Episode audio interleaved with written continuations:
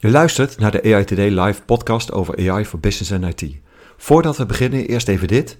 We zijn genomineerd voor de Prijs van Oranje van de Belgian Podcast Awards. We zijn super trots op deze nominatie en jij kan ons helpen om deze prijs te winnen. Luister je graag naar onze podcast? Stem dan via belgianpodcastawards.be. Alvast bedankt.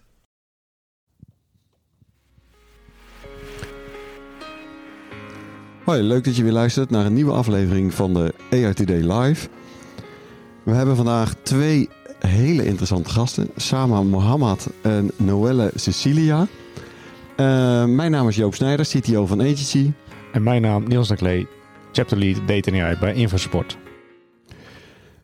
Sama en uh, Noelle, dank jullie wel uh, dat jullie zijn gekomen. Zouden jullie je willen introduceren voor de luisteraars? Als we beginnen bij jou, Sama. Ja, ik ben Sama Mohammed.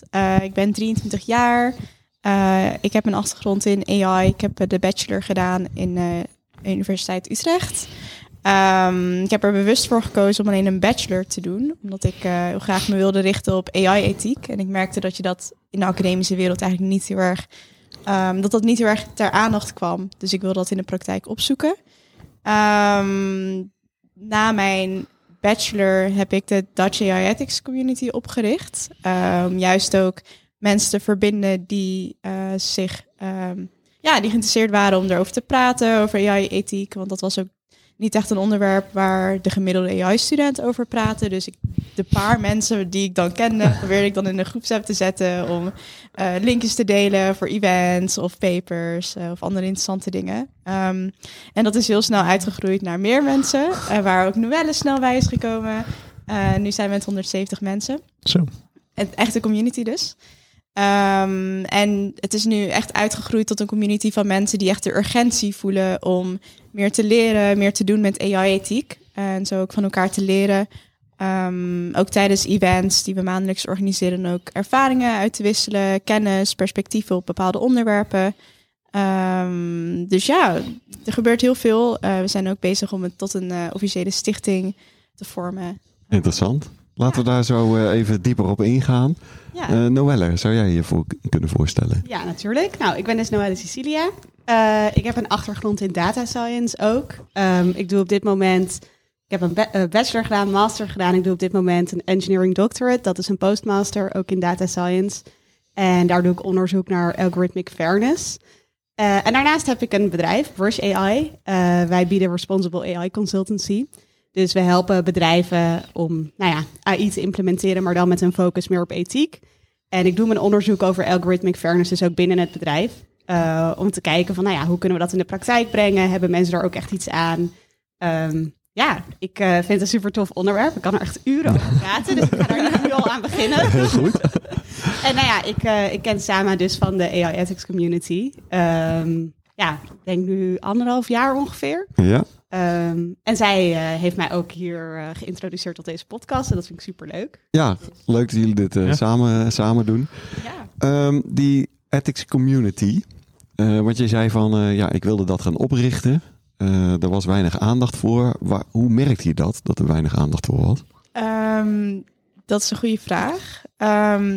het was rondom mijn eerste, tweede jaar dat ik naar events ging buiten de universiteit om, om uh, ja, meer te leren over de, de impact van AI in de praktijk. En een van de lectures die ik tegenkwam was um, van Sene over bias. Maar ik merkte dat ik daar eigenlijk een van de weinige studenten was die daar aanwezig was. En keer op keer bij dat soort events um, viel het me dus op dat um, als ik hierover praatte met mijn uh, medestudenten, dat ik eigenlijk altijd moest uitleggen wat bias inhield. Oh ja. En um, als ik ook aan een gemiddelde AI-student vroeg van, wat weet je eigenlijk over bias of explainability of andere typische onderwerpen binnen AI ethics, dan hadden ze niet echt een antwoord. En ook de vraag van, oké, okay, maar um, wil je hierover leren? Had ik ook vaak de antwoord terug van, nee, klinkt niet heel erg interessant. Oké, okay. okay. dat is spannend. ja, dus, um, maar ik hoop dat dit sindsdien, dat het nu inmiddels wel wat veranderd is. Nu mensen ook meer bewust zijn, bijvoorbeeld sinds de toeslagenaffaire, ChatGPT, andere schandalen die zijn uh, ontstaan. Ehm, maar toen ik dus eh, om me heen dus aan het zoeken was naar contact over dit onderwerp, kwam ik dus niet echt veel mensen tegen. Ehm, en blijkt dat dit ook op meerdere universiteiten het geval is. En je zei van, eh, je hebt nu een community opgebouwd van zo'n plusminus 170 personen. Ja, Kan je daar, kan je daar inzicht in geven wat voor type personen dat zijn? Ehm, om, om een beetje te duiden, zeg maar, wie interesse heeft in ethiek. nou schijnbaar dus wel heel veel studenten. Ja, dus ik had het eigenlijk compleet mis. Oké. Ja, dus eh, dat, dat is echt gewoon een stukje zichtbaarheid. Gewoon het laten zien van AI-ethiek is een onderwerp waar je het over kan hebben. En het is voor iedereen, dus het is niet abstract. Ja. Ehm, de mensen die erin zitten zijn, eh, nou ja, de, de mensen die aan het afstuderen zijn, ehm, veel masters. Er zijn ook mensen die net zijn afgestudeerd en op zoek zijn naar een baan of net begonnen zijn. Maar er zitten ook mensen in, zoals Marijn en Mark, die hier ook zijn geweest eh, bij, bij de podcast. Ja. Eh, die zitten er ook in en die hebben natuurlijk al langer werkervaring. Dus het is een hele mengelmoes van verschillende mensen. En daarin eh, heb je ook mensen die al die researchen, die zelfs eh, onderwijs geven. Ehm, je hebt mensen die, ja, je hebt allerlei verschillende soorten mensen in de community. En het grappige is dat, eh, ja, door de zichtbaarheid van de Dutch Ethics community ook naar studenten toe, ehm, ja, zijn zelfs eerstejaars geïnteresseerd om hier meer over te leren. Dus dat alleen al is gewoon Ja. heel fijn. Die, dat stukje bewustzijn, daar Mooi. begint het ook. Ja.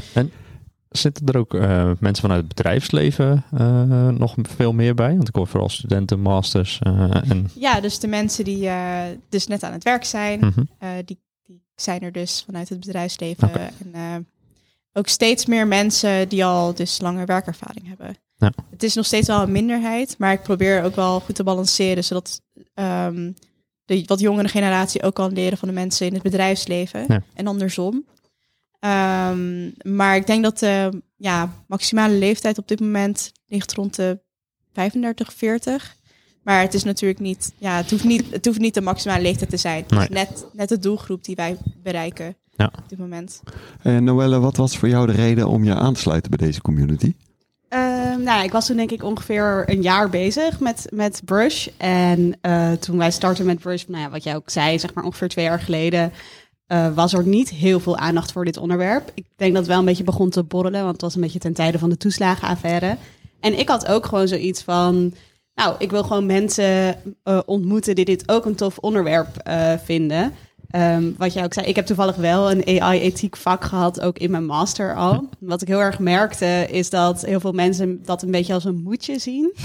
En Ja. eh, wat een beetje het probleem is, denk ik, is dat... Kijk, ik vind ethiek zelf heel interessant. Ik heb ook bijvoorbeeld een minor filosofie gedaan, dus ik was wel bekend met dit soort materie. Ja. Maar voor heel veel, dit is een beetje gechargeerd, maar voor veel technische studenten is het toch een beetje een ver van je bedshow. Ehm dan moet je ineens gaan leren over Kant en Descartes. en dat is toch wel iets heel anders dan eh, neurale netwerken, zeg maar. Dus ehm, ja, eh, je, je merkte gewoon dat veel mensen zeiden van ja, dit is niet helemaal mijn pakje aan. En eh, ja, weet je, is het wel mijn verantwoordelijkheid? Ik ben gewoon data scientist. Waarom moet ik me ineens met ethiek gaan bezighouden? Dus ik merkte dat daar, er was niet heel veel interesse. Dus ik vond het juist leuk om me bij een community aan te sluiten.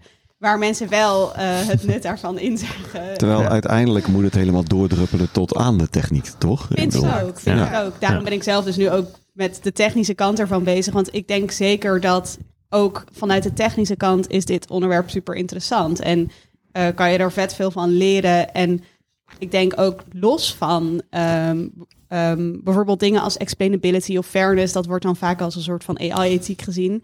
Ehm, los van dat die heel nuttig zijn voor, voor ethiek, is het ook, maak je denk ik ook gewoon echt betere algoritmen als je dit soort technieken toepast. Precies. Dus het is ook inhoudelijk gewoon heel vet. En dat, dat zien mensen gewoon Ja. niet echt. Ja. En heel uitdagend, hè? Oh, sorry. Nee, nee, Eh, Echt heel uitdagend, want het, is, het valt nog niet mee om een blackbox te openen. Of Nee. nog mooier, eh, daar hebben wij bijvoorbeeld allerlei onderzoek op lopen. Je zegt van, ja, maar je begint gewoon met interpreteerbare modellen.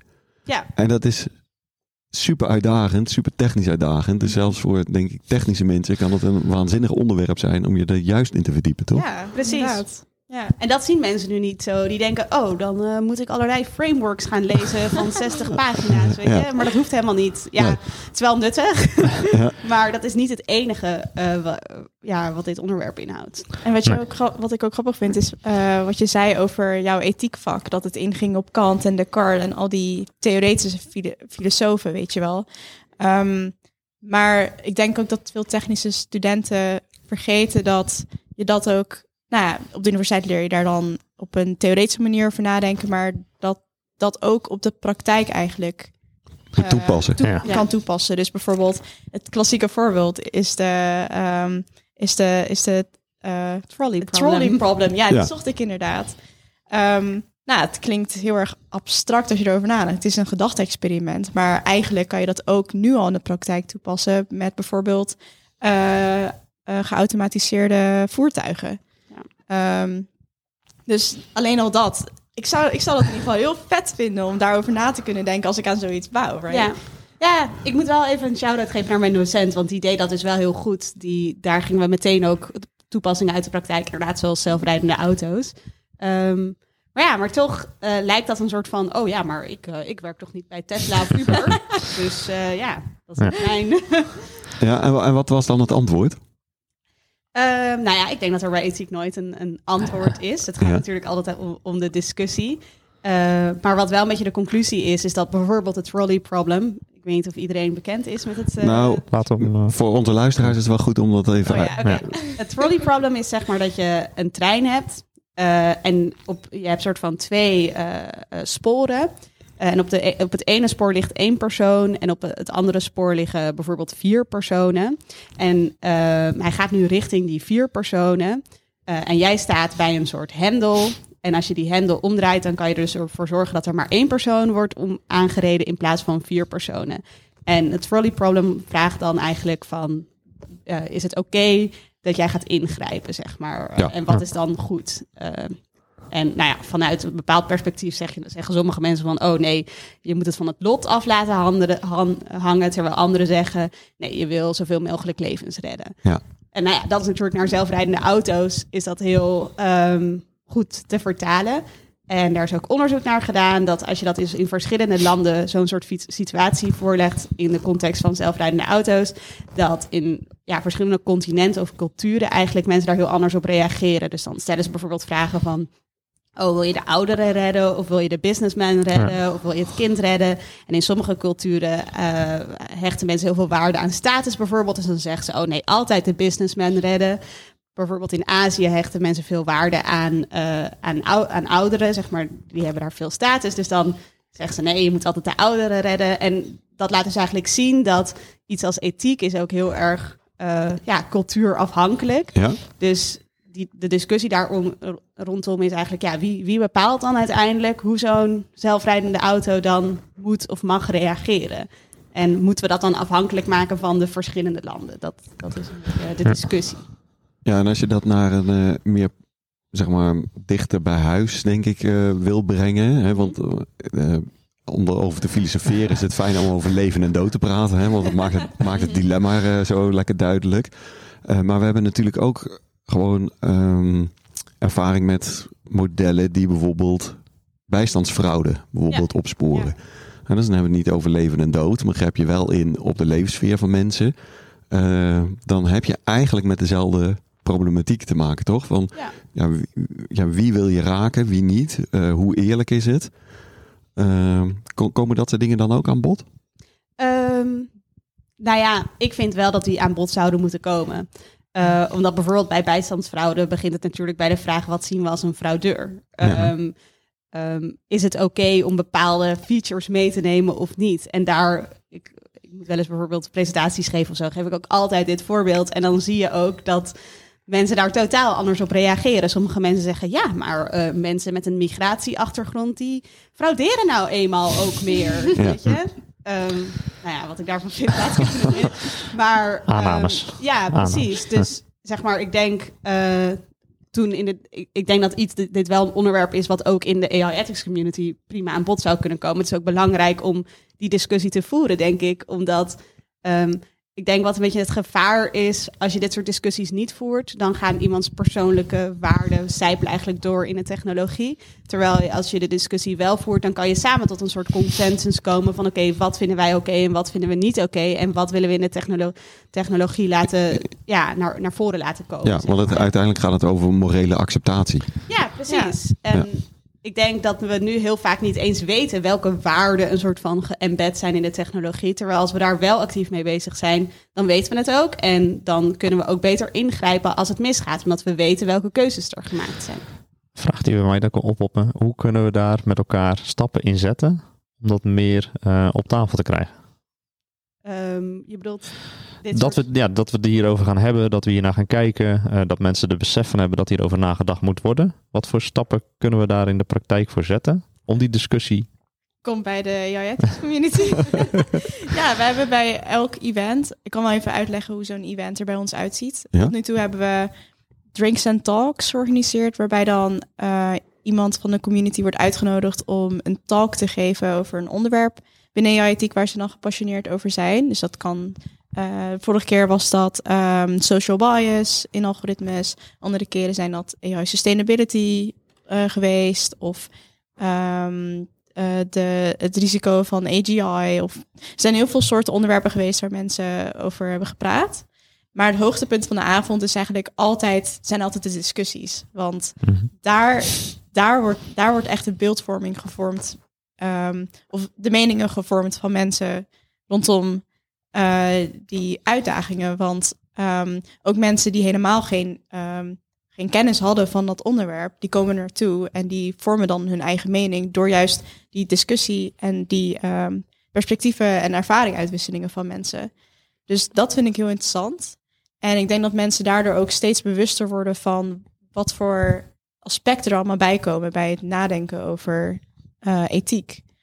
En ik denk, als je dan naar zo'n avond komt, ehm, ja, ik ben even kwijt wat ik wil zeggen. Dat kan je. Nou, ik hoorde een, ik hoorde een uitnodiging. Ja, inderdaad. Laten we daar eens mee beginnen. Eh, ik zou het wel leuk eh, vinden om een keer eh, daadwerkelijk over explainable AI te komen vertellen. Daar, eh, niet alleen dat ik daar veel van weet, maar ik vind er ook heel veel van. Eh, ik dus, ben heel benieuwd. ja. dus in die zin zou ik de uitnodiging wel willen aannemen. Ah, ja, wees welkom. Ja, nou leuk. Dan hebben we dat alvast geregeld. Waar een podcast niet goed voor is, toch? Ja, inderdaad. Ik, ik heb er misschien nog wel wat aan toe te voegen. Ik denk wat ook belangrijk is om dit soort discussies te voeren, is om ze in het, zeg maar, vanaf het begin te voeren. Dus niet denken van, oh, we implementeren een mooi model en dan gaan we eens nadenken van, eh, goh, eh, wat zijn hier eigenlijk de implicaties van, zeg maar. Ik denk dat, in ieder geval, dat, dat vinden wij met mijn bedrijf in ieder geval, dat je vanaf het begin al over dit soort dingen moet nadenken en vanaf het begin al deze discussie voert en het liefst ook interdisciplinair. Dus niet alleen met data scientists, maar ook met de mensen die uiteindelijk beïnvloed worden door dit product. Ja, dus het is een brede gebruikers, eh, ge- brede groep. Dus niet alleen de mensen die het bouwen, maar ook de mensen die over de beslissingen gaan, maar ook die geraakt worden door Ja. de beslissing eh, erbij te betrekken. Dus Ja, en als je hen Ja. niet persoonlijk erbij kan betrekken, gewoon eens nadenken van, oké, hoe zou, wat zou ik doen als ik in die situatie zat? Of wat kunnen hun eh, interests, zeg maar, Mhm. zijn? Of, Ja, want daar dacht ik natuurlijk meteen aan. Als we het hebben over die bijstandsfraude. hè, dan ga je het als model bouwen. Ga je niet met bijstandsfraudeurs Nee, nee. praten. precies. Dus je moet wel... eh, Iemand, iemand die dus die, eh, ja, de mensen die de AI eh, effect, zeg maar, re- goed representeren. In, Oh. Goed representeren in de, in de groep mensen waarmee je dit bouwt. Right? Dus niet alleen maar je stakeholders, eh, met je stakeholders praten voordat je dit gaat bouwen, maar ook eh, de teams die dit bouwen ook zo divers mogelijk maken, right? Ja. Wat eh, als, als iemand nou hier naar luistert en die denkt van... Ja, ik moet hier iets mee. Waar, waar begint diegene? Die komt naar mijn bedrijf. Nee. Ah, desnoods. Nou ja, ik denk, ehm, waar begin je mee? Je bedoelt met zo van, oh, ik wil iets met AI-ethiek, waar, waar begin ik? Ja.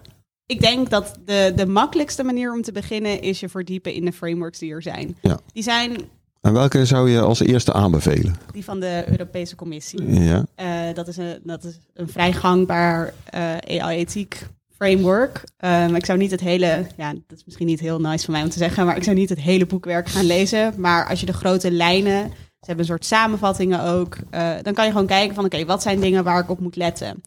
Um, dan zou ik gaan nadenken van uh, hoe kunnen wij dit een soort van gaan inzetten, een soort van vertalen naar ons proces, zeg maar. Ja. Um, en dan gaan nadenken van oké, okay, uh, wat gaan we aan de techniekkant doen om, om hier iets mee, uh, mee te doen. Ja, duidelijk. Dat is, dat is hoe, ik er, hoe ik er naar kijk. Ja. Dat is heel, heel uh, simplistisch wel. nee, maar je moet ergens beginnen. Ja. Hè? Dat, Ja. dat, is, uh, dat is het uh, belangrijkste.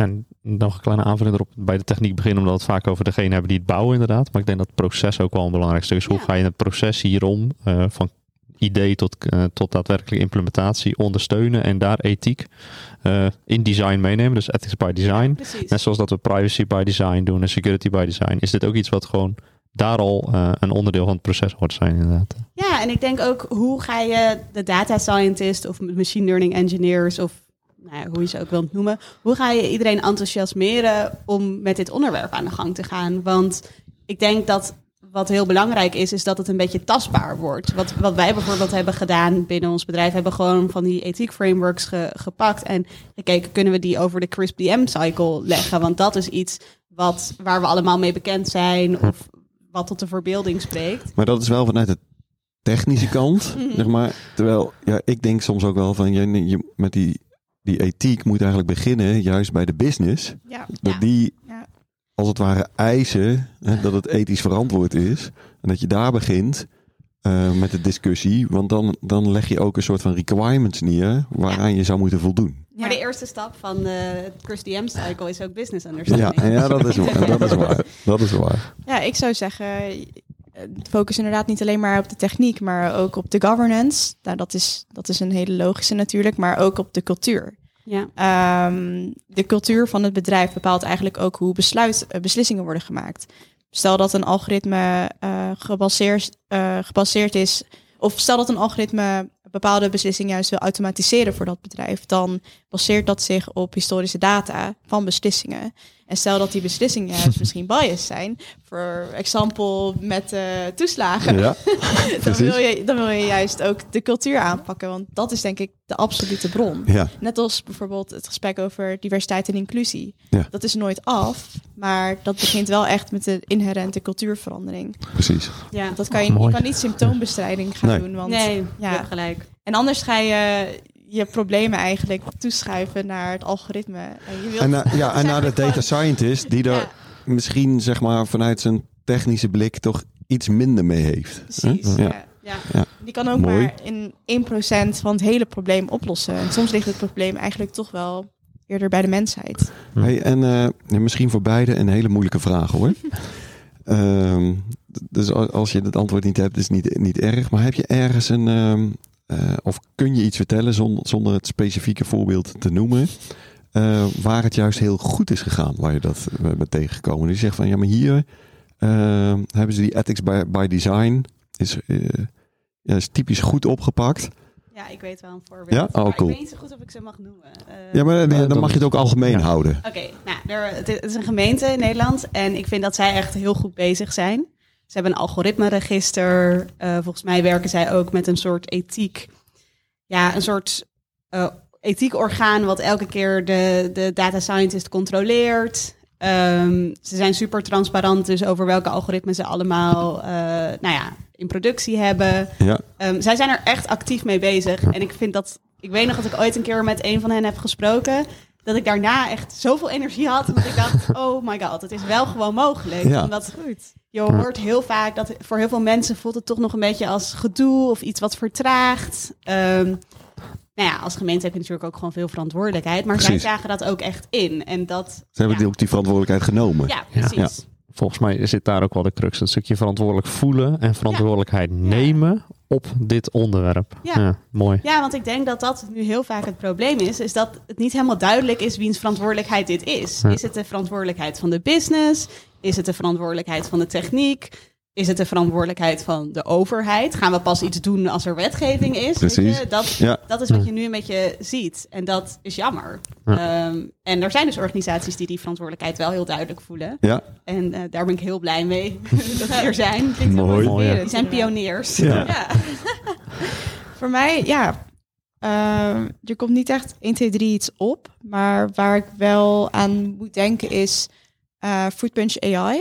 Eh, zij organiseren in samenwerking met bedrijven allemaal challenges eh, voor AI for Good. Eh, het zijn allemaal challenges als ehm, AI inzetten om stropers te kunnen detecteren. Of, dus dat soort, dat soort challenges om ehm, ja, ehm, sociale of maatschappelijke impact te maken. mooi. En zij doen dit dan ook in samenwerking met data scientists die dit vak willen leren, door Oké. middel dus van challenges. Doen. Oh ja, En ehm, waar ze dan, zij, zij hebben dan ook wel eens ehm, lectures die ze dan geven als onderdeel van de trainingen. En wat zij dan heel goed doen, is eh, onderwerpen als algorithmic bias meenemen. Dus echt die data scientists dat ook echt meegeven van, denk hier alsjeblieft aan en zo kan je dat doen. Ah ja. En zo kan je dat ook meten. Ik weet verder niet zo goed wat, hoe zij dit verder technisch oppakken, maar en of zij dit ook ehm, eh, meegeven aan de bedrijven waarmee ze dan samenwerken. Maar ik vind dat al echt gewoon een hele goede stap. Hm. Dus het meegeven in het stukje educatie. Want Ja. dat doen universiteiten nog niet eens. echt. En überhaupt het AI for Good eh, gedeelte Ja. is natuurlijk al heel zeker, Ja. zeker. Lijkt me een mooie, lijken twee, twee mooie voorbeelden van hoe het, eh, hoe het wel kan. Ja. Eh, dank jullie wel. Eh, we zullen de linkjes ook opnemen in de, in de show notes. Dan eh, kunnen mensen daar ook naar kijken. Naar, eh, hoe, hoe noemde jij hem nou? Fruitpunch AI. Fru- Fruitpunch.ai zullen we opnemen. Ja. Dus eh, dank jullie wel. Dankjewel uh, Sama en Noelle voor deze ja, interessante discussie over ethiek. Abonneer je op de, via je podcast app op, en mis geen enkele aflevering daardoor. Ja. Eh, hopelijk tot de volgende keer. En eh dankjewel voor het luisteren.